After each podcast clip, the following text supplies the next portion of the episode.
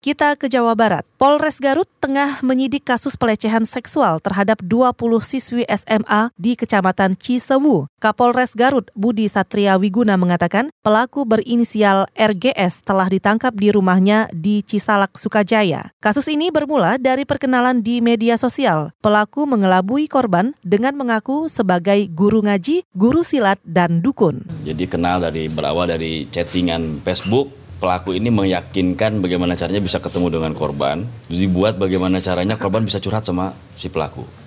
Ya, akhirnya curhatlah tentang mungkin ada frustasi, ada putus dengan apa dengan laki-laki dan lain-lain. Ditawarkanlah solusi kias dan satu lagi pak pangasal. Kapolres Garut Budi Satria Wiguna menambahkan, pelaku telah melakukan pelecehan seksual selama satu tahun lebih. Kejadian ini terungkap setelah salah satu korban melapor ke Polsek Cisewu pekan lalu.